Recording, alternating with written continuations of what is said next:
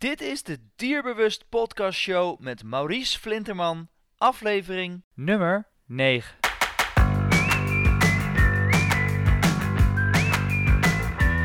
Welkom bij de Dierbewust Podcast Show, waarin je luistert naar experts die je voorzien van de beste informatie, tips en tricks op het gebied van honden.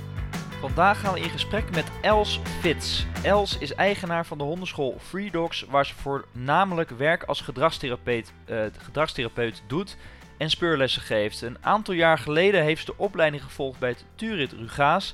Ze was wel al een tijdje aan de slag als trainster bij lokale hondenscholen, maar volgde de opleiding van Turit vooral uit persoonlijke interesse. Ze had namelijk niet het plan om ooit als gedragstherapeut aan de slag te gaan, maar wat ze leerde bij Turet was voor haar zo belangrijk dat haar missie en passie is geworden om uh, ja, alles wat ze heeft geleerd zoveel mogelijk te delen met ieders, uh, iedere hondenliefhebber die dit wenst. Vandaag gaan we in gesprek met Els Fitz. Uh, Els komt uit België en is bekend van Free Dogs. Um, vandaag gaan we het hebben over een, nou ja, een, een lastig onderwerp, een veel besproken onderwerp agressie aan de lijn. agressie aan de lijn bij honden uiteraard. En ja, hondenliefhebbers uh, nou, lopen toch nog wel tegen dit probleem aan. En het wordt steeds veel voor, voorkomende probleem. Want je ziet steeds vaker honden aan de lijn uh, uh, nou ja, uitvallen. En er zijn natuurlijk meerdere theorieën voor. En vandaag gaan we met Els dus in gesprek om te kijken wat haar visie daarop is. Want in de, in de praktijk zie, je, zie je het vaak fout gaan. Hè? Um, zie je dat bijvoorbeeld eigenaar verkeerd reageert of dat de hond uh, nou ja, gefrustreerd is. Kun jij wat meer vertellen um, wat jij vaak ziet, uh, ziet misgaan uh, in de praktijk, Els, met betrekking tot agressie in de lijn bij honden? Ja, zeker. Nu, ik, zou, ik zou even graag het onderwerp een beetje kaderen, want zoals ik al aangaf, agressie is een, is een zeer uitgebreid en een zeer complex thema. En het is misschien wel handig om eerst ook even te kaderen, wat is agressie? Hoe, hoe gaan we het definiëren en hoe, hoe kijken wij ernaar en wat betekent het eigenlijk voor de hond? Meestal hoor ik de interpretatie van klanten, van mensen die zeggen van mijn hond die valt echt aan om, om te doden, om te kwetsen, om schade aan te richten. Ja. Dat is een heel erg menselijke interpretatie. Honden gaan niet echt aanvallen met de intentie om te kwetsen. Ze gaan eigenlijk aanvallen met intentie om het probleem te verdrijven. Ja, dus eigenlijk een hoop kabaal maken om uh, de ander af te schrikken, min of meer. Ja, of ze gaan ook echt verder. Ze gaan ook echt wel bijten. Maar uiteindelijk is de intentie niet om schade aan te richten. De intentie is om een probleem op te lossen. En dit vertelt ons eigenlijk al heel veel over wat wij zelf kunnen doen. Want blijkbaar hebben wij onze hond gebracht in een situatie waar hij een probleem ervaart. Dus dat zegt al heel veel over de mogelijke oplossingen die we kunnen aanbieden aan onze honden en in bepaalde situaties. Ten tweede, om het probleem weer verder te kaderen, wil ik ook dat we een heel duidelijk onderscheid maken tussen agressie die gezondheidsgerelateerd is en agressie die niet gezondheidsgerelateerd is. Want ook daarin gaat er weer een heel belangrijk verschil zijn in de aanpak van het probleem. Het is zeer evident dat als er een gezondheidsprobleem is, dat we niet de hond nog eens noodloos moeten gaan belasten met heel veel training en uh, um, ja, gedragstherapie, maar dat we eerst moeten gaan kijken van hoe kunnen we het basisprobleem, de gezondheid, hoe kunnen we dit ofwel gaan verbeteren, ofwel gaan genezen, of gaan managen. En dit is iets dat eigenlijk wel heel vaak voorkomt, dat er een onderliggend gezondheidsprobleem is, dat niet is erkend. Maar als je dan nog eens extra gaat gaan trainen, dan ben je de druk aan het opbouwen bij die hond. Ja, en gezondheidsproblemen, um, wat voor soort gezondheidsproblemen uh, zie je dan vaak? Het is heel, heel, uh, heel divers. Het hoeft niet alleen maar pijn gerelateerd te zijn. Natuurlijk is pijn een heel belangrijke. Als jij kiespijn hebt en je hebt al dagen kiespijn, dan ga jij ook veel prikkelbaarder zijn. En ga je ook anders reageren op drukte in het verkeer. Ga je veel sterker geïnnerveerd zijn, ga je veel sterker op kwaad reageren. Dat is pijn. Nu, dat is de meest gekende. Maar wat sterk onderschat wordt, zijn ook allerlei allergieproblemen die toch meer en meer voorkomen. Maar een allergieprobleem geeft een continue jeuk bijvoorbeeld, waardoor je ook echt geïrriteerd kan raken. Waardoor je ook aan bepaalde honden, aan andere honden willen duidelijker maken van ik heb meer afstand nodig nu, kom niet aan mijn lijf. Respecteer de afstand die ik nu nodig heb. Maar het zijn bijvoorbeeld ook, ook spijsverteringsproblemen, waardoor ja, ik wil nu niet spelen, want eigenlijk doet mijn buik een beetje pijn. Of, of misschien heb ik zelfs geen pijn, maar ik voel me onprettig, ik voel me ongemakkelijk en ik heb nu echt geen nood aan sociaal contact. Dus het hoeft niet altijd pijn te zijn. Het kunnen ook, ook uh, hormonale veranderingen zijn in de hond, spijsverteringsproblemen, allergieën, noem maar op. Kleine zaken die we misschien niet altijd merken. Ook misschien instabiliteit op gewrichten zoals HD, heupdysplasie, kan ervoor zorgen dat een hond zich eigenlijk niet zo heel zeker voelt in spel met andere honden. Of, of die hond voelt zich eigenlijk niet zo heel zeker ten opzichte van jonge honden of grotere honden, want die kunnen mij zomaar omverduwen, want ik sta niet echt heel stabiel op mijn poten. Maar um, Els, uh, in de praktijk uh, heb je natuurlijk verschillende soorten type honden. De ene hond, die, als die uh, al een duwtje krijgt, dan is hij aan het piepen. De andere die gaat overal dwars doorheen. Die kan bewijs van de prikkeldraad heen lopen en dan geeft hij nog een kick. Daar zitten hele grote verschillen in. Um, Hoe zie jij in de praktijk dan als jij met um, jouw mensen of jouw, de mensen met, met, met de hond met problemen traint, hoe zie je dan dat ze ergens last van hebben? Ja, je herkent dat wel, maar dat zijn aan, echt heel kleine dingetjes. En, en meestal ga je dit gaandeweg sneller en sneller gaan opmerken, omdat je gewoon daar meer ervaring in krijgt. Als je het niet van in het begin hebt opgemerkt en ook de dierenarts heeft niks opgemerkt en de mensen kunnen ook niet echt iets aangeven van ja, na eten uh, zien we wel eens dat hij gaat kotsen of dergelijke echt niks opgemerkt, dan ga je vaak in de, eenmaal je de gedragstherapie start, ga je op een bepaald moment een bepaald plateau bereiken. Waar je normaal gezien eigenlijk vlot zou kunnen doorheen werken of zou kunnen verder werken. En met een bepaalde hond lukt dat dan op een gegeven moment niet meer. Je bereikt dat plateau en van daaruit ga je niet meer verder. Je, je merkt dat je van daaruit eigenlijk alleen maar verder moet gaan managen, situaties managen. En dat de hond niet de mogelijkheid heeft om verder te evolueren. En dan moeten we ons gaan afvragen, waarom is er nu geen lerend vermogen meer? Waarom kan hij nu niet leren uit de situaties waar, waar we hem bijzetten en we blijven onder zijn prikkeldrempel tijdens die situaties? Waarom is het voor hem niet mogelijk om die prikkeldrempel automatisch te laten verschuiven? Hoe komt dat? Is het systeem zijn volledige functioneren? Is het misschien sowieso te sterk belast door andere factoren die we nog niet hebben gezien? En dan moeten we altijd terug gaan kijken naar de huissituatie. Want het is natuurlijk niet alleen het probleem. En dat is waarom ik zeg, het probleem is, is meestal zeer complex. Het beperkt zich niet tot de wandelingen. En een oplossing kan zich niet beperken tot we gaan op een andere manier gaan wandelen het, de oplossing moet echt heel breed zijn. En gezondheid komt daarbij te pas. Maar bijvoorbeeld ook, uh, hoe zit het met de, met de algemene stresslevel van die hond? Ja, dus je geeft één aan uh, uitval aan de lijn of agressie aan de lijn zou kunnen komen door dus medische problemen. Maar dus ook weer de bekende uh, stress die honden opbouwen in de loop der tijd. Ehm, door ja, maar wat is stress? Uh, stress is ook fysiologisch. Als er een ziekte is, dan is het systeem, het functioneren onder stress. Ze moeten harder gaan, uh, intern zijn ze harder aan werken om een bepaald evenwicht, een bepaalde homeostase te proberen na te streven. En het lukt hun niet, omdat er een bepaalde pathologie aanwezig is. Dus er is sowieso een continue stress in het systeem. Dat wil zeggen dat we bij een bepaalde gedragstherapie op ergens op een plateau kunnen geraken.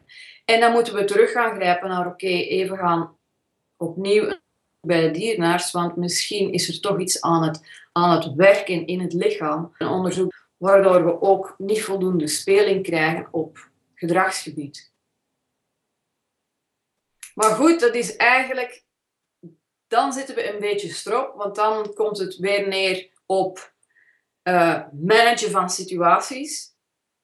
De, de, de reden waarom ik wil aangeven dat we een onderscheid moeten maken tussen gezondheidsgerelateerde agressie en niet-gezondheidsgerelateerde agressie. Het verschil is, je gaat bij beide werken met gedragstherapie. Maar bij de gezondheidsgerelateerde problemen ga je ook veel situaties moeten blijven managen. Of je kan het probleem, het gezondheidsprobleem oplossen, of je kan het managen door continue medicatie of continue begeleiding. Maar dan ga je ook continu moeten rekening houden met fluctuaties, mogelijke fluctuaties in de gezondheid, of met ergens een status quo die niet optimale gezondheid is. En dat betekent dat je ook op gebied van gedrag en op gebied van situaties waar wij de hond inbrengen, continu moet rekening houden met wat is uh, het dragend vermogen van deze hond. Dragend vermogen in, op gebied van wat, zijn de problemen die hij aan kan en welke situaties kan hij niet aan. En dat bedoel ik met managen. Eenmaal je de grens kent van je hond, wat kan hij dragen, wat kan hij niet dragen. En je kan inschatten hoe voelt hij zich vandaag. Ook weer heel belangrijk om je hond perfect te leren lezen. Ja, dan moet je gaan managen. Oké, maar ik zou het eigenlijk vandaag meer willen hebben over de niet-gezondheidsgerelateerde agressie. Oké. is iets minder complex, omdat we echt kunnen gaan werken. We kunnen louter gaan fixeren op en focussen en werken aan het gedragsprobleem. En we weten dat er niet echt een probleem is in de fysiologie van de hond die dit gedragsprobleem mee beïnvloedt. Dus dat maakt het iets minder complex. Ja, en als je dan kijkt naar de, naar de praktijk, hè, want er zijn veel mensen die uh, ja, in de praktijk daarachter komen dat een hond uh, ja, in ieder geval uh, verkeerd gedrag gaat vertonen aan de lijn. wat wat zie jij dan, dat is ook mijn eerste vraag, wat, wat zie jij dan vaak misgaan, um, of wat de eigenaar eigenlijk verkeerd doet, waardoor het gedrag zou kunnen ontstaan? Wel, het thema, of de titel is duidelijk, het is problemen aan de lijn. Dus heel vaak uh, gaan klanten ook aangeven van het is enkel aan de lijn dat hij uitvalt naar andere honden. Als hij los kan lopen, is er eigenlijk geen probleem. Dan kan hij benaderd worden door andere honden, hij kan andere honden benaderen. Maar als hij aan de lijn is, dan hebben, dan hebben we wel een probleem. Dus wat is daarbij het probleem? Is het de lijn zelf? En vaak is het ook dat. Of is het, ook hoe de lijn wordt gehanteerd? Meestal is het een combinatie. Maar heel vaak begin ik bij die mensen met een langere lijn te gaan gebruiken.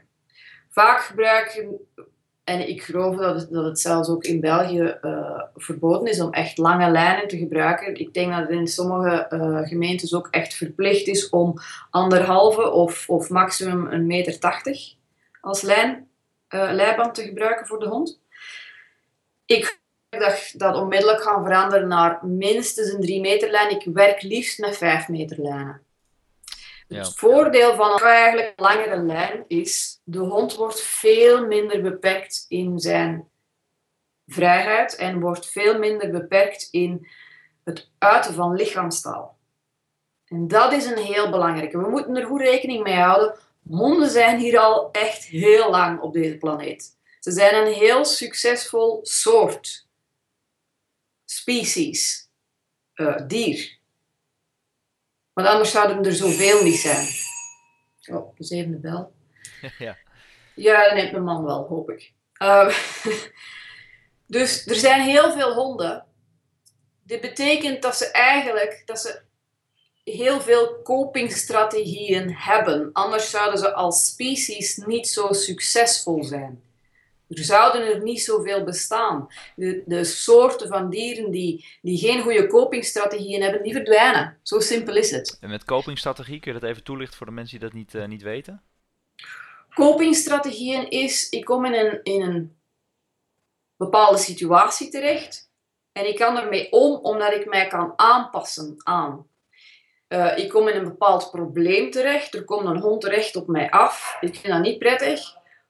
Maar ik kan bijvoorbeeld door weg te draaien, door te knipperen, door te liplikken, door mijn, mijn bewegingen te vertragen, duidelijk maken aan die hond: hé, hey, ik vind dit nu even niet fijn. Ik ga een grote boog inzetten en ik zou graag hebben dat je die respecteert, dat je dan ook uit mijn buurt blijft. Dat zijn allemaal copingstrategieën, dat zijn signalen die honden aan elkaar geven om heel duidelijk te maken in eerste instantie, ik heb geen kwade intenties. En ten tweede, ik hoop dat jij die ook niet hebt en ik hoop dat je mijn ruimte respecteert. En uh, Els, want als je het dan hebt over die copingstrategieën, dat is dan vergelijkbaar met de kalmerende signalen van het boekje Turit Rugaas, denk ik? Of? Ja, kalmerende signalen is, is het topje van de ijsberg. Maar uh, als, uh, iedereen die kan beginnen met kalmerende signalen, absoluut doen. Het is een absolute must om jouw hond te kunnen begrijpen, want jouw hond is eigenlijk continu met jou en met de situatie aan het communiceren. En het is heel belangrijk om zijn communicatie on continu te begrijpen en te kunnen terugcommuniceren. Ja, precies. Als jouw hond duidelijk maakt in zijn communicatie, ik heb hier nu meer ruimte nodig, maar jij ziet het niet. Ik zal een heel praktisch voorbeeld geven. Ik had een klant met een, uh, met een hond die een heel ernstig heupprobleem had. Dus eigenlijk weer een gezondheidsprobleem. Maar dat was status quo. De, de, de, de hond kon daar wel mee omgaan. Want de hond had geleerd, ik kan heel duidelijk aan andere honden communiceren. Ik heb graag dat je iets meer afstand houdt. En zeker als jij een heel jonge en wilde hond bent, dan heb ik liever dat jij beleefd uit mijn buurt blijft. Die hond die was daar zo goed in. Die deed dat op een zo fijne en beleefde en rustige manier. Maar die hond kwam telkens opnieuw weer in de problemen. Waarom? Zijn baasje snapte niet en zag niet de communicatie die zijn hond eigenlijk heel duidelijk maakte. Ik heb meer afstand nodig ten opzichte van andere honden. Ook de andere honden, die konden dat wel snappen, die konden dat wel zien. Maar als ook dat baasje dan weer niet snapte dat hun hond uit beleefd de communicatie begreep en uit de weg wou gaan, nou ja, ze liepen op één voetpad, dus ze, bleven gewoon weg rechtdoor lopen. Ze kwamen te dicht in elkaars buurt en de hond van mijn klant die begon te grommen en de andere hond die begon ook te grommen, want die snapte van ja, ik weet het wel, maar ik kan ook niet anders. Ja, want ik hang nu eenmaal aan die korte lijn en ik kan niet uit de weg, want mijn baasje begrijpt het ook niet. Waardoor ze dus een uh, clash uh, kregen. Ja, inderdaad. Het enige wat ik heb gedaan is het baasje geholpen om de taal van zijn hond te begrijpen en ze hebben geen problemen meer. En ook het vertrouwen van die hond is enorm gestegen. En de rust in die hond is ook gestegen, want hij weet nu, het geeft niet als ik een hond zie aankomen die voor mij een probleem betekent, want ik kan communiceren naar de hond, maar ik kan nu ook communiceren naar mijn baasje en die snapt mij nu plots. Fantastisch. Ja, precies. Dus dat is een win-win situatie, niet alleen voor de hond, maar ook voor, voor het baasje. Want hij vindt het wel fantastisch om zijn hond beter te kunnen begrijpen. En Els, even mijn beeldvorming, hè? want um, je ziet in de praktijk, uh, in dit geval lopen de honden dus recht op elkaar af, waardoor ze eigenlijk te weinig afstand be bewaken of behouden, de baasje dan in dit geval, waardoor de hond uh, in een clash komt. Nu zijn er natuurlijk ook mensen die, uh, hondenliefhebbers die een hond hebben, die ehm, ja, eigenlijk de, de afstand wordt vergroot, maar nog steeds heeft de hond zelf niet het vertrouwen en, en ook op afstand uh, wil die nog uitvallen. Uh, herken je dit of niet? Uh, ik herken dit in het verhaal van de klanten, maar niet in de praktijk. Oké, okay, vertel. Niet in de praktijk. Als we de, er is altijd een bepaalde afstand die voldoende is voor een hond. En misschien moet je daarvoor inderdaad wel een heel, een heel ruim veld hebben en, en de afstand echt heel groot maken. Maar vaak is het ook gelijktijdig uh, de communicatie tussen, tussen baas en hond. Wordt er extra spanning gezet door de lijn aan te spannen? Er is een verschil. Er is hier een nuance te maken. Als de hond zelf de lijn op spanning zet en het baasje trekt niet tegen in de andere richting, dat is oké. Dan blijf je gewoon staan en je wacht tot de hond de spanning mindert. Oké? En in de tussentijd uh, geef je dan ook nog een signaal aan de hond? Uh, bijvoorbeeld probeer je hem te lokken of je zegt helemaal niks? Niks, niks, dat is het nu juist. Dus er is, er is op twee manieren dat er te veel druk wordt gelegd op de hond. Eén, fysiek, doordat je aan de lijn gaat trekken of zelfspanning zet op de lijn. En twee, mentale druk. Doordat je hem gaat zeggen wat hij moet doen. Of je gaat gewoon te veel woorden gebruiken. Doe maar rustig, het is een braaf hondje. Laat het maar, kom maar hier, kijk hier eens goed, kijk ja. naar mij. Dus zelfs al zeg je niet wat hij moet doen, zwijg gewoon. Laat de hond de tijd. En dit is natuurlijk in opgezette situaties. Hè. Dit, is, dit is de manier waarop ik werk. Ik ga situaties voor, voor, voor mijn klanten enceneren, waarbij er een hond in de verte is, afstand die voor de specifieke hond nodig is. En ik begeleid mijn klanten, ik ben erbij. Of ik moet ook uit de situatie blijven en dan hebben we contact via walkie-talkies. Dat gebeurt soms ook. Maar goed, dan de begeleiding bestaat eruit om zolang de hond geïnteresseerd en op een rustige manier staat te kijken naar de andere hond, dan laat je dat gebeuren. Het langste dat we ooit hebben stilgestaan was echt 15 minuten. Gewoon stilstaan en de ene hond staat recht naar de andere hond te staren. We komen niet tussen. De, de, afstand is groot genoeg zodat de spanning niet stijgt bij de hond die staat te staren. Maar er is wel een continu staren. Oké, laat het gebeuren. De volgende stap die we zien is de hond doet een klein stapje achteruit, waardoor hij zelf de spanning op de lijn lost. Super, dat is al enorm gewonnen. Want het, betekent dat hij zelf al eigenlijk een stap heeft gemaakt naar kalmte. Dus hij heeft eerst kalmte bij zichzelf moeten vinden, anders had hij die stap achteruit niet kunnen maken. Ja, en Els, Dan is de hond gaan neerzitten en nog altijd blijven kijken. Even, even een vraag tussendoor, want uh, je geeft eigenlijk aan, er zijn twee zaken. Dus je moet de, de, fysiek niet de spanning op gaan bouwen door aan de lijn te trekken. Anderzijds moet je, moet je stil zijn. dus, dus geen, uh, nou ja, niks erbij zeggen. Mm is de houding van een hondenliefhebber daarin nog belangrijk? Of? Want ik kan me voorstellen dat je houding en je gemoedstoestand en uh, alles daarbij wordt natuurlijk ook een signaal door de, door de lijn gegeven. Is, is dat nog belangrijk? Ja, maar goed, ik wil dat ook even nuanceren, want natuurlijk ben je gestrest. Je, je hebt al zo vaak gezien dat je hond vaak is het al heel vaak voor, voor, voor klanten uiteindelijk naar een gedragstherapeut komen. Je hebt al zo vaak gezien dat situaties slecht zijn verlopen, dus natuurlijk heb je stress. Net zoals jouw hond stress heeft. Dus ik, ik, begrijp, ik begrijp dat en we moeten dat ook niet stigmatiseren en we moeten die baasjes ook niet met de vinger wijzen. Het is logisch dat die mensen gestresseerd zijn. Vaak hebben die situaties meegemaakt waarbij ze angst hadden voor, de, voor hun eigen hond. Want misschien was hij agressief naar een hond die eigenlijk duidelijk veel groter en sterker was dan hun hond. Of misschien kon hun hond schade berokkenen aan de andere hond of aan een andere persoon.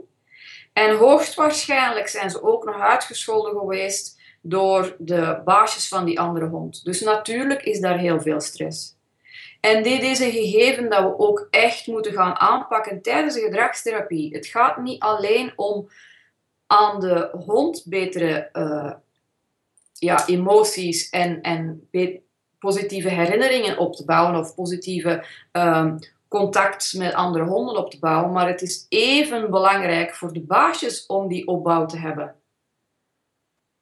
Ja, exact. Die moeten eigenlijk ook uh, in de leer. Dat is eigenlijk nog belangrijker misschien wel. Want de hond die uh, beheerst het vaak wel. Alleen uh, ja, omdat wij hem dus in een situatie brengen, ja, wordt de hond eigenlijk gedwongen om, om uit te vallen. Dat is eigenlijk wat je zegt.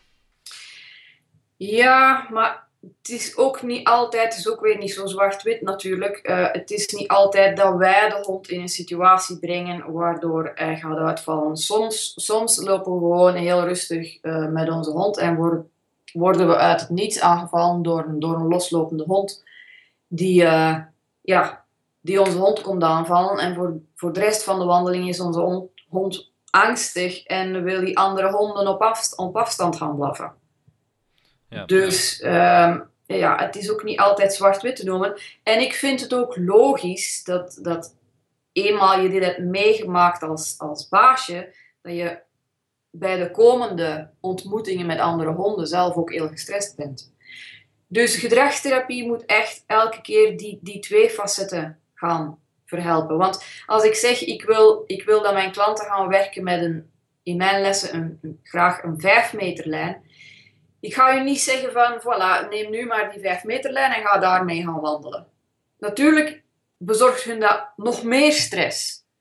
Want ze willen graag hun hond zo dicht mogelijk bij hun houden om bepaalde situaties te kunnen managen. Dus daarin is begeleiding nodig van, van, van de personen op zich ook. Je kan niet zomaar mensen gaan zeggen van ja, maar kijk, je moet nu maar niet meer gestrest zijn en je moet nu maar niet meer angstig zijn. Dat werkt niet. Hun herinneringen zeggen hun dat ze wel moeten angstig zijn, met grondige reden. Dus niet alleen moeten we de hond in bepaalde situaties zetten waar hij nu positieve herinneringen kan opbouwen, maar ook de mensen moeten we in situaties zetten waar ook zij positieve herinneringen kunnen opbouwen. Ja, precies. En ehm, als je dan kijkt naar het, uh, naar problemen, dus je, uh, je schetst net een situatie uh, waarin het mis kan gaan. heb je daar nog meer voorbeelden van, van situaties die je mis ziet gaan in de, in de praktijk? Dus we hadden het over ja, hoe we de lijn gebruiken, dat we niet, gaan, niet zelf gaan trekken aan de lijn, dat we gaan afstand respecteren ten opzichte van bepaalde honden dat we ook, en wat ik, wat ik heel vaak moet zeggen in mijn lessen, is niet zo snel stappen. Niet zo snel wandelen. Of hoe noemen jullie het? Lopen? Ja, wandelen of lopen. maar lopen is bij ons altijd snel. ja, ja, precies. Uh, dus niet zo snel wandelen. Dat is iets wat ik continu moet herhalen. En dat is voornamelijk in situaties die ik heb opgezet, die veilig zijn Laat je hond stilstaan en nadenken. Laat je hond de tijd om stil te staan, want ondertussen is hij zichzelf tot rust aan brengen. Als je snel voorbij een situatie wil lopen of je hond versnelt in een bepaalde situatie, dan is het eigenlijk beter om juist, tenzij je voor veiligheidsredenen onmiddellijk uit die situatie moet. Oké, daar hebben we het nu even niet over. We hebben het over situaties die veilig zijn en waar je niet onmiddellijk moet uh, uit verdwijnen. Uh, en Else, want eh, dat is ook nog een situatie. Ik kan me ook voorstellen, en dat heb ik met mijn eigen hond ook wel eens, uh, dat je op een hond afkomt lopen. Dat je denkt, oké, nu moet ik de afstand vergroten, want anders dan leidt het tot een confrontatie. Alleen dat de hond dan zelf er niet voor kiest om, zeg maar, uh, afstand van te nemen. Ja, maar dat kan zijn dat je dan al een bepaalde grens bent overschreden. Dat jij het later hebt gezien en dat de hond het eigenlijk had gezien. Misschien wou jouw hond al een curve inzetten 100 meter geleden. En merk jij het nu op 30 meter, maar is jouw hond dan al over een bepaalde grens en, zegt, en, en gaat hij eerder nu willen verdedigen in plaats van zijn rug te draaien en weg te curven. Dus het is belangrijk echt om de, om de kleinste signalen te kunnen opmerken en te merken wanneer jouw hond wil beginnen curven. Als je te laat bent, dan gaan ze er meestal naartoe. En dit geldt trouwens ook voor die honden waarvan mensen zeggen van ja, hij wil altijd maar na mensen toe en dan springt hij op bij iedereen en hij wil iedereen begroeten. Eigenlijk exact hetzelfde gegeven. Als je de hond meer afstand geeft, en dat is wat wij dan doen in opgezette situaties, wij gaan de afstand echt heel groot nemen. En dan kunnen mensen echt zien, en ik begeleid dit ook, om aan te geven, kijk, nu, en dat is soms al op, op 200 meter, nu is jouw hond eigenlijk al aan het beginnen om de situatie op te lossen en wil hij nu eigenlijk al een curve starten. Zie je dit niet en loop je toch nog gewoon verder door en jouw hond gehoorzaamt en blijft mooi met jou meelopen, dan komt hij verder en verder in de problemen en zijn stress in die situatie stijgt en stijgt en stijgt.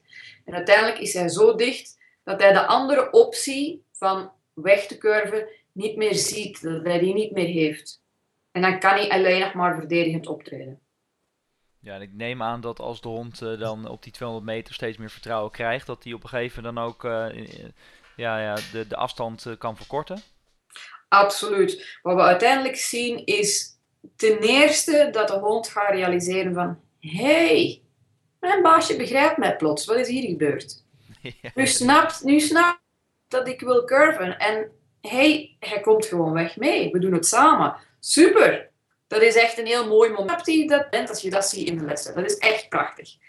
En dan ga je inderdaad zien, nu is er vertrouwen. Er is vertrouwen in het baasje. Er is vertrouwen in een wederzijds begrijpen. En nu gaat de hond dus ook eigenlijk begrijpen van oké, misschien kan ik, kan ik nog een klein beetje verder. Want ik kan erop vertrouwen dat als ik aan mijn baasje zeg dat ik uit de situatie wil, dat het altijd kan. Dat die mogelijkheid er altijd zal zijn, dat mijn baasje het mij altijd zal geven. En dat is natuurlijk, dat is een ander punt.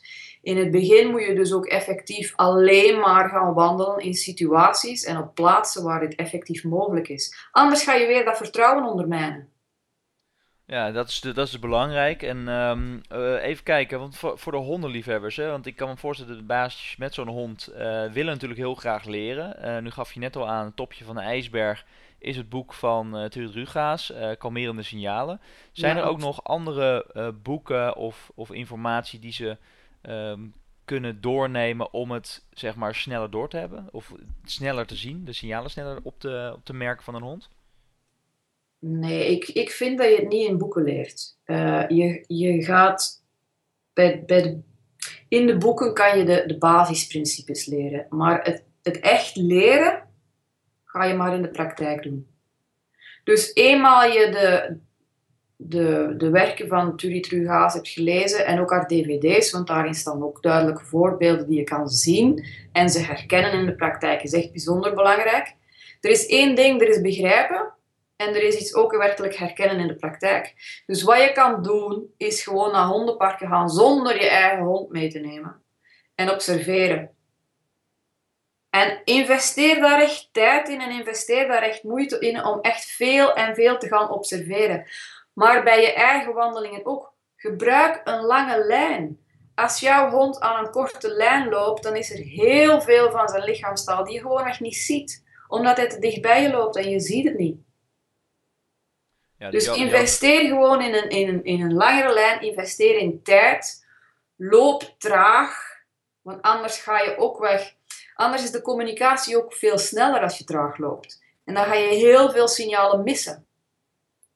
Dus ga veel rustiger wandelen. Neem een lange lijn, liefst een 5 meter waar het kan, of langer zelfs waar het kan.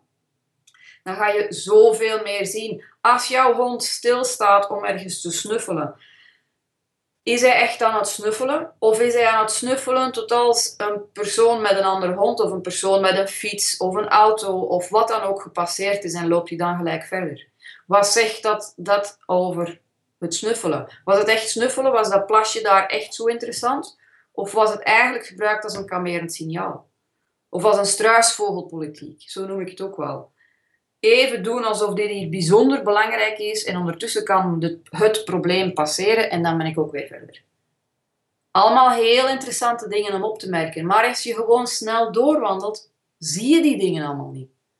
En dat is jammer, dat is heel jammer, want je mist heel veel van de communicatie die, die jouw hond ook aan jou geeft. Ja, dus je moet eigenlijk, ehm, als je hond problemen heeft, uh, adviseer jij om het niet vanuit de boeken te leren, maar toch echt in de praktijk met een begeleider daarbij die jou daarin ondersteunt om het uh, te gaan, Absoluut. gaan zien. Want je, je moet feedback krijgen. Ja, want je zegt je natuurlijk feedback krijgen over wat er te zien is in je hand. Want kijk, jij loopt er al zo lang achter, achter jouw hond. Dus er zijn heel veel dingen die je eigenlijk wel ziet, maar niet echt opmerkt. Dus je moet daarover de feedback krijgen. Kijk, dit nu, ja, je hebt het gezien, maar wat betekent het eigenlijk? Wat, betekent, wat is hij aan het communiceren naar jou toe? En wat dient nu jouw antwoord te zijn? Want hij moet wel begrijpen dat je zijn communicatie begrepen hebt, dat je die gemerkt hebt en dat je er rekening mee houdt. Dus daarin moet je de feedback krijgen om het echt op te merken en ook om te weten wat doe ik ermee? Wat betekent het? Ja. En hoe ga ik ermee om? En je zei net uh, lange lijn, uh, drie meter of vijf meter, of misschien wel zelfs langer. Maar dan heb je het over een lange lijn en geen uh, uitschuifriem. Ik weet niet, over een rollijn, noem je dat? Ja, ja, absoluut geen uitschuiflijn of, of zo'n automatische oprollijn. Absoluut niet. En, en zeker niet voor honden die reactief zijn. En daar is een heel belangrijke reden voor. Die lijnen geven automatisch continu een klein beetje spanning. Nu, deze spanning die werkt in op het lichaam, hoe klein die ook is, die werkt dan continu in op het lichaam. En het betekent dat de honden een iets hogere basistonus van, aan spanning in hun spieren moeten hebben. Nu, als ze dit hebben in hun, in hun lichaam, er is, een, er is een, eigenlijk een feedback loop die naar de hersenen gaat. Iedereen kent het gegeven als we gestrest zijn, als we een, een heel drukke dag hebben gehad, dan hebben we s'avonds nekpijn en schouderpijn omdat we onze spieren blijkbaar de hele dag hebben opgespannen. Ja? Dat werkt ook in de omgekeerde richting. Dus, dus bij de, de schouderpijn en de nekpijn is het omdat we eigenlijk mentale stress hadden. En dit heeft onze, ons lichaam beïnvloed. Het werkt ook in de omgekeerde richting. Dus wij zetten spanning op het lichaam van de hond, omdat we trekken aan de lijn of omdat we zo'n zo'n uitrollijn gebruiken, zetten we continu spanning op het lichaam van de hond. Er zit continu spanning in de spieren. Er is een feedback loop die teruggaat naar de hersenen en die daar de, de bijhorende emotie bij creëert. Dus spanning in de hersenen, mentale spanning. Daarom vind ik het echt heel belangrijk dat we die spullen en zeker in sociaal contact absoluut niet gebruiken. Ja, helder. Um, je hebt het dan over, uh, over de riem gehad, uh, maar jij werkt ook met name met een tuig, hè? Je bent geen voorstander van halsbanden. Nee, absoluut. Kun jij, kun jij misschien vertellen waarom? Kijk, ik ben, ik ben eigenlijk uh, absoluut niet, maar opgeleid als, als uh, kinesitherapeut of fysiotherapeut, zoals jullie het in Nederland noemen, en osteopaat voor mensen. En ik ben van, van daaruit, vanuit mijn kennis van biomechanica en anatomie bij mensen, ben ik ook de anatomie en biomechanica bij dieren gaan bestuderen, of bij honden in specifiek gaan bestuderen. En ja, dus eigenlijk, de principes zijn volledig gelijklopend.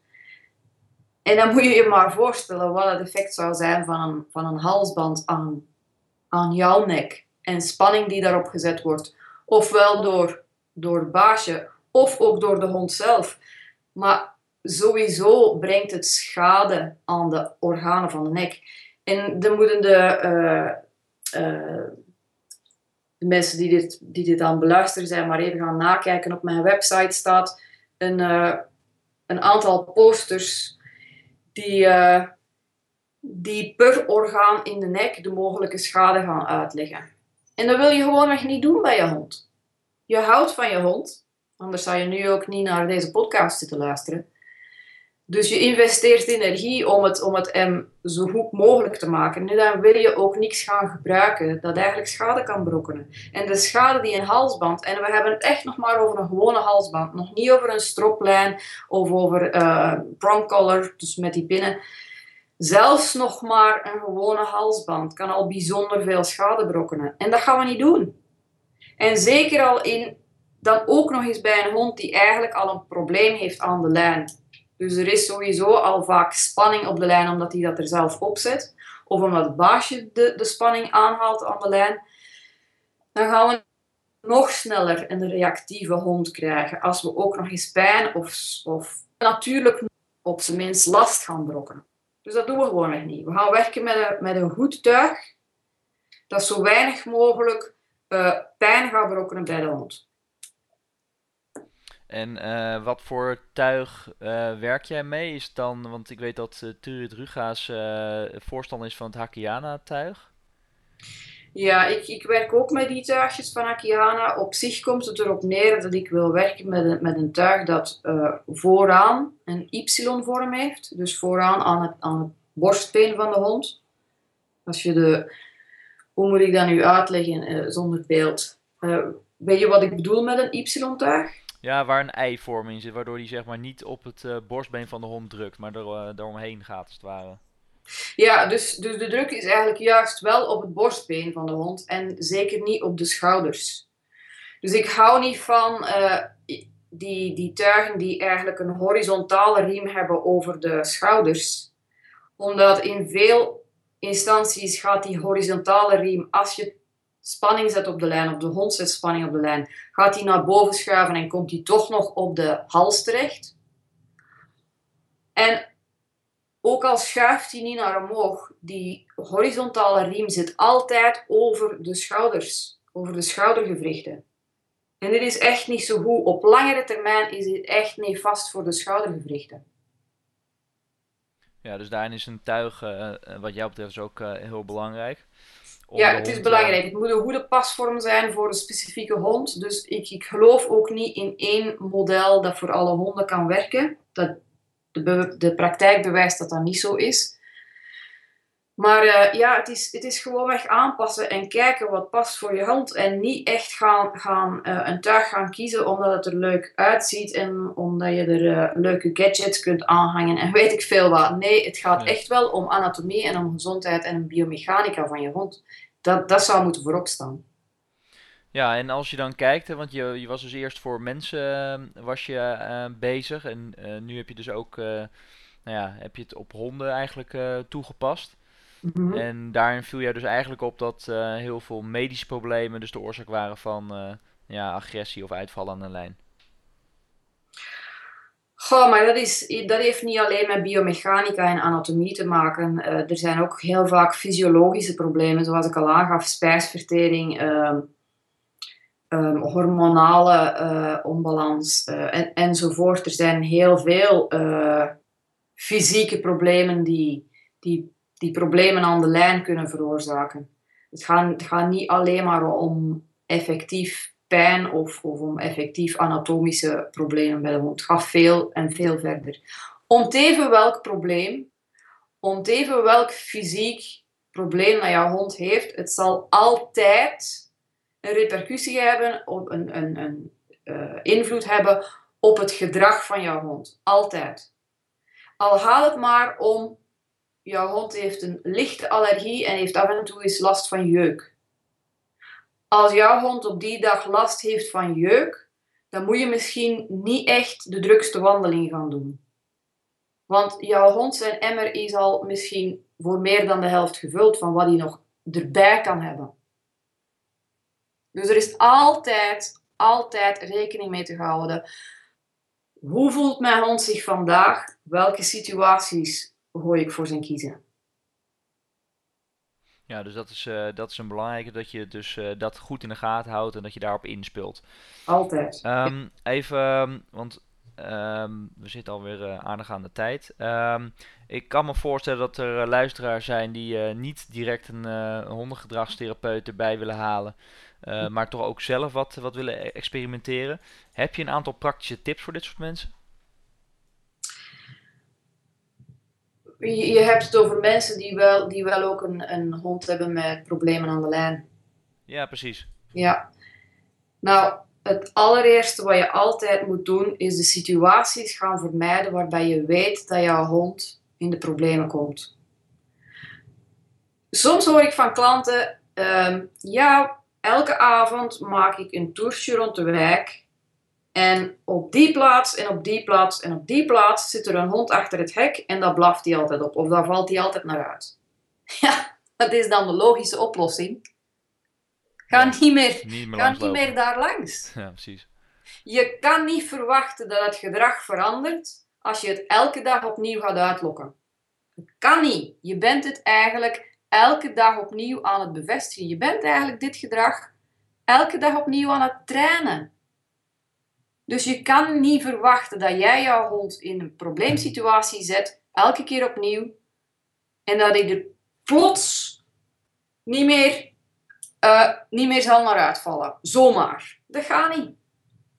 Eerst ga je moeten werken aan een, misschien een lange periode, afhankelijk van hoe, hoe, hoe ernstig het probleem is. Maar een periode te hebben dat hij echt positieve ervaringen kan opbouwen. Dat die tijdens een wandeling niet continu moet, uh, als het ware, om zijn schouder kijken van, komt er hier nog een hond aan? En dus continu gespannen loopt. Maar dat hij eigenlijk uh, ervaringen kan op, opbouwen van wandelingen die echt heel aangenaam en heel rustig waren. Waarbij je niet in situaties komt waarbij je zich moet gaan verdedigen. Want dat is zijn perspectief. Hoe het er ook uitziet, zijn perspectief is: ik zit nu in een situatie waarbij ik mij moet verdedigen.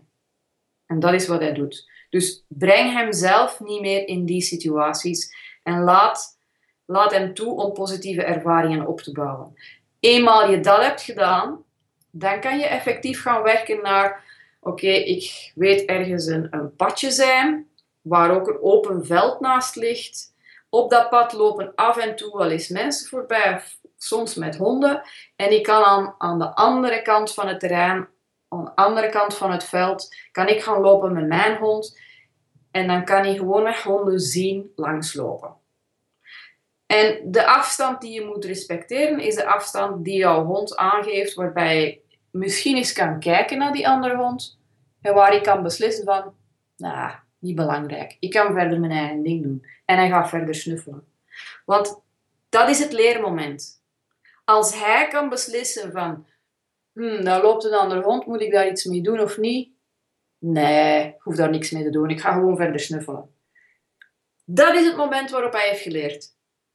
En dat is eigenlijk wat we in training doen. Dus je, je, moet vooral niks zelf doen. Alleen maar de situatie managen en de situaties aanbieden waar je hond kan leren. Ja, dat zijn eigenlijk uh, de praktische tips die jij uh, Absoluut. Uh, geeft aan mensen die, die toch dit probleem hebben, maar niet in de gelijk een, een hondentrainer daarbij willen inzetten. Um, in dat opzicht, hè, wij vragen altijd naar de, de belangrijkste levensles of inzicht die iemand heeft uh, geleerd uh, tijdens uh, in dit geval het begeleiden van, van hondenliefhebbers met, met een probleem van de hond, die, dus, dus een hond die uitvalt aan de lijn. Ja. Wat is jouw belangrijkste levensles daarin? Mijn belangrijkste les is vertrouw altijd je hond. Eerst moet je natuurlijk begrijpen wat hij met jou communiceert. Maar eens je begrijpt wat hij communiceert, vertrouw altijd wat jouw hond zegt. Onlangs was ik op een wandeling met een van mijn honden, met Lisa. En er komt een hond in, in, een, in een groep van mensen komt naar ons toe. En ik hoor één persoon vragen aan, aan het baasje van de hond: hoe reageert hij op, op andere honden? En ik hoor het baasje zeggen van: oh, dat is heel goed, nooit problemen gehad. Maar ik zie Lisa kijkt naar die andere hond en die andere hond is daar aan het fixeren. Aan een korte lijn, aan een gespannen korte lijn. En ik zie Lisa reageren met een heel lage houding. Ze vertraagt, ze draait haar hoofd weg, ze begint een heel grote curve in te zetten. En het baasje met de hond komt dichter en ze vraagt: Mogen ze even spelen? Mogen ze even elkaar begroeten? Ja, natuurlijk zei ik gelijk: Nee, dank u. En ik volgde Lisa verder in de curve die ze zet en we waren gewoon weg. Vertrouw altijd je hond. Mijn hond was heel duidelijk aan mij aan het zeggen van ik vertrouw deze hond absoluut niet. Ja, die is echt niet beleefd. Waardoor jij een grote boot omheen bent gelopen en uh, de confrontatie uit de weg eh, bent gegaan in ieder geval. Absoluut. Vertrouw altijd jouw hond. Eenmaal, eenmaal jouw hond, jij jouw hond kunt lezen en kunt begrijpen wat hij zegt Ga nooit een bevestiging vragen. Ben je het wel zeker? Moet je niet eens even dichterbij gaan kijken? Kun je toch niet eens proberen om te spelen? Nee, vraag niet een bevestiging. Vertrouw jouw hond. Als jouw hond zegt: Dit is een linker situatie, ik wil hieruit, ga eruit, onmiddellijk. Dat is hoe, hoe je uh, vertrouwen opbouwt en hoe je vertrouwen onderhoudt. Heel belangrijk. Ja, en uh, nou ja, ook een belangrijke les die je gaf is eigenlijk uh, gewoon veel observeren en toch beter gaan letten op je hond. Wat voor signalen die je in de tussentijd mogelijk geeft. Omdat hij dus heel veel signalen geeft die je waarschijnlijk op dit moment uh, nog niet opvangt. Dat is de absolute basis. De absolute basis, ja. Nou. Heel vaak hoor je, die valt aan uit het niks. Nee, hoogstwaarschijnlijk niet. Maar je hebt de signalen gemist. Je hebt de communicatie gemist. Hij heeft jou en de andere hond al van veel verder op voorhand gezegd van ik vind het niet prettig. En jij hebt het gemist en jij hebt hem dichter gebracht in die situatie. Ja, waardoor de hond uiteindelijk gedwongen wordt om op een andere manier te reageren. Precies. Ja, super Els. Uh, ik denk heel informatief. Uh, het is toch, het blijft een lastig onderwerp. Uh, dus uh, super dat je daaraan wilde bijdragen. Heel boeiend onderwerp. ja, heel zeker. Boeiend. Absoluut. Ja.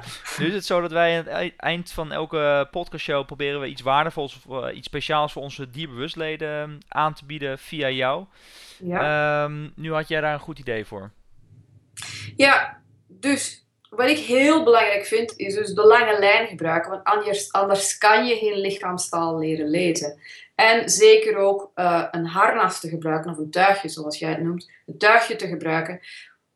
Omdat bij een halsband je vaak ook de hoofdbewegingen van je hond beperkt. En dus ook weer de lichaamstaal aan het beperken bent.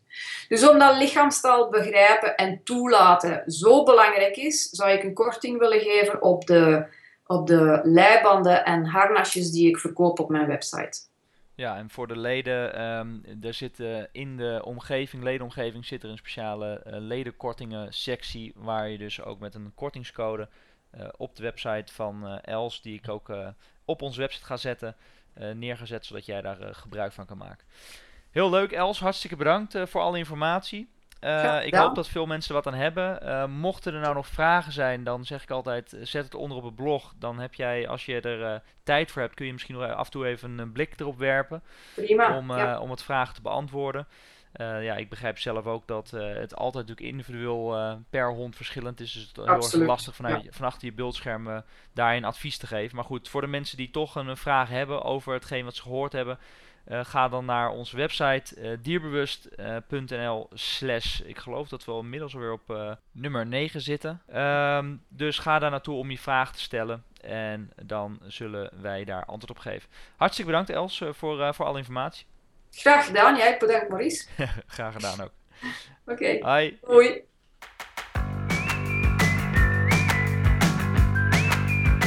Bedankt voor het luisteren naar onze podcast. Wil jij gebruik maken van de korting die Els heeft gegeven? Ga dan naar onze website en word lid van de community van Dierbewust. Ga naar dierbewust.nl slash lid. Ik herhaal dierbewust.nl slash lid en maak gebruik van haar korting, andere kortingen en nog veel meer interessante dingen die je in onze community gaat vinden. Alvast bedankt voor het luisteren. Tot de, de volgende keer.